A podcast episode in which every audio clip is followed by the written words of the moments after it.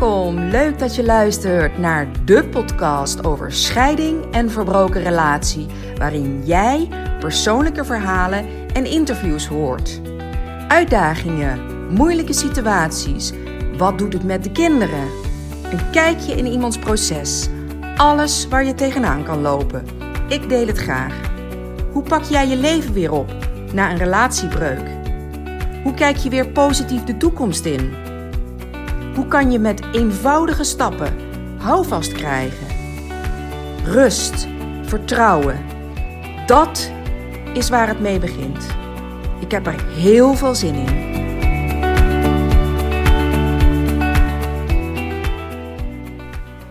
Hey lieve mensen. Vandaag ga ik een podcast opnemen over een vraag die ik regelmatig krijg. Hoe herken ik dat moment dat ik het echt weet. Het moment dat ik echt ga besluiten weg te gaan bij mijn partner.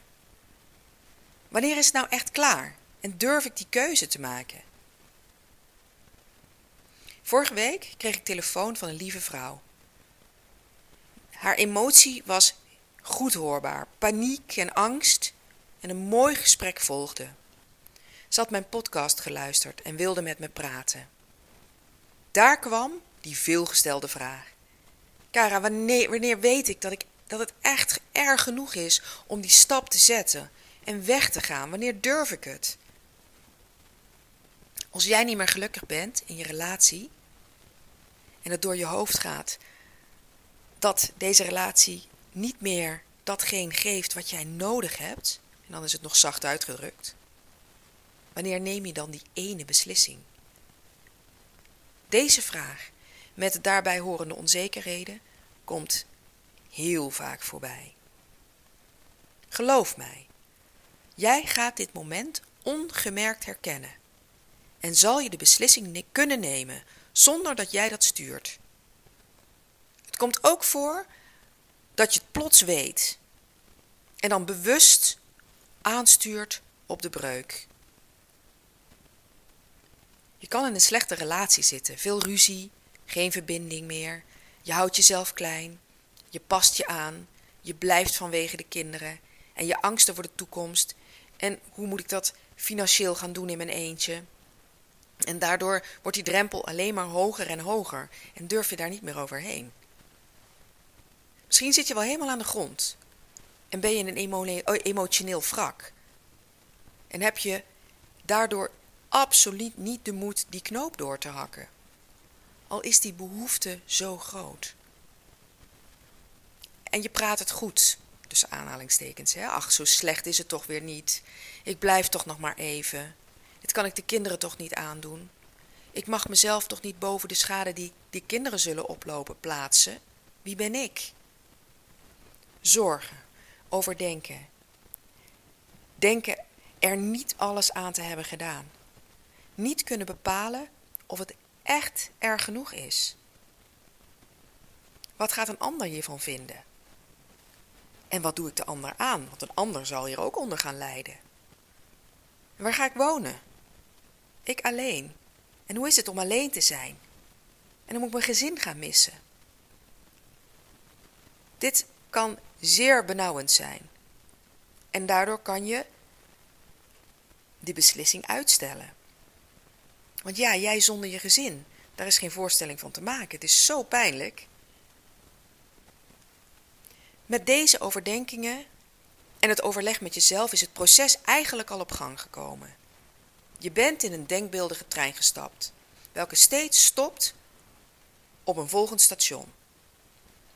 Steeds meer directe en indirecte zekerheden worden door jouzelf ingebouwd. Dat is jouw proces. Iedereen bereikt zijn punt op zijn eigen manier en in eigen tempo. En niemand weet wat jij werkelijk ervaart en waar jouw grens ligt. Niemand kan dat voor jou bepalen.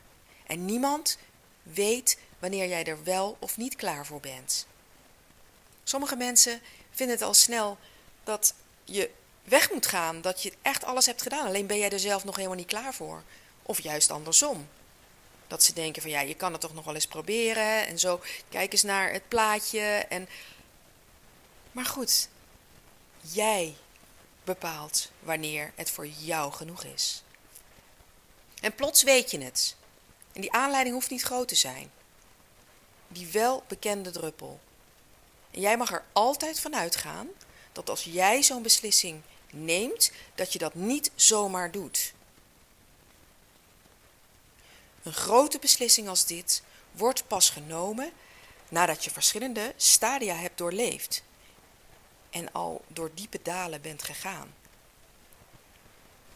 Je hebt vele gesprekken met jezelf gevoerd en je voelt het. Ik ben er klaar mee.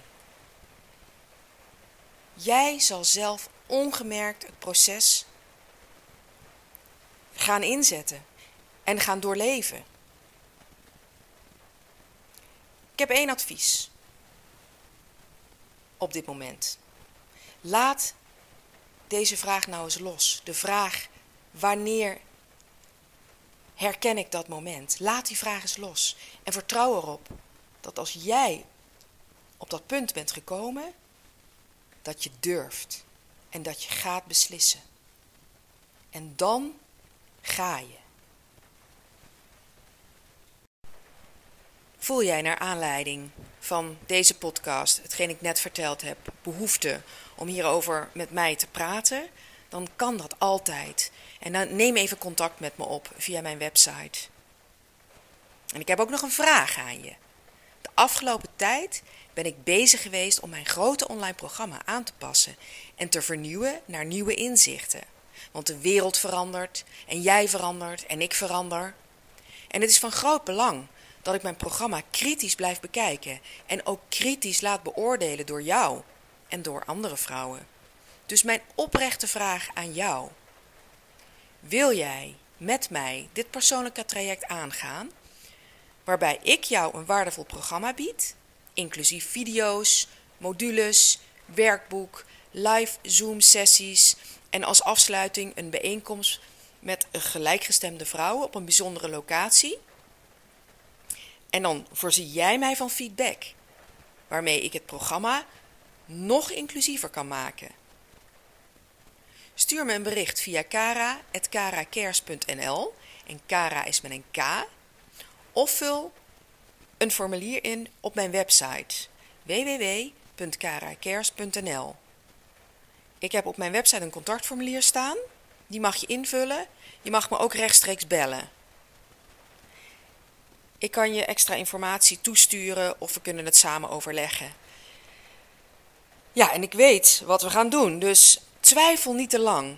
Het is meer dan de moeite waard. Ik wens je een hele fijne dag. Heel fijn dat je luisterde naar deze nieuwe aflevering. Ben je geïnspireerd geraakt en vind jij het ook zo belangrijk dat anderen zich gesteund voelen door deze verhalen, zich erin herkennen? Ja, want je bent niet de enige. Laat dan een review achter in bijvoorbeeld iTunes. Of deel het door middel van een screenshot op Instagram of Facebook. Daarmee help je mij, maar vooral anderen. Dank je wel voor het luisteren. Tot in de volgende aflevering.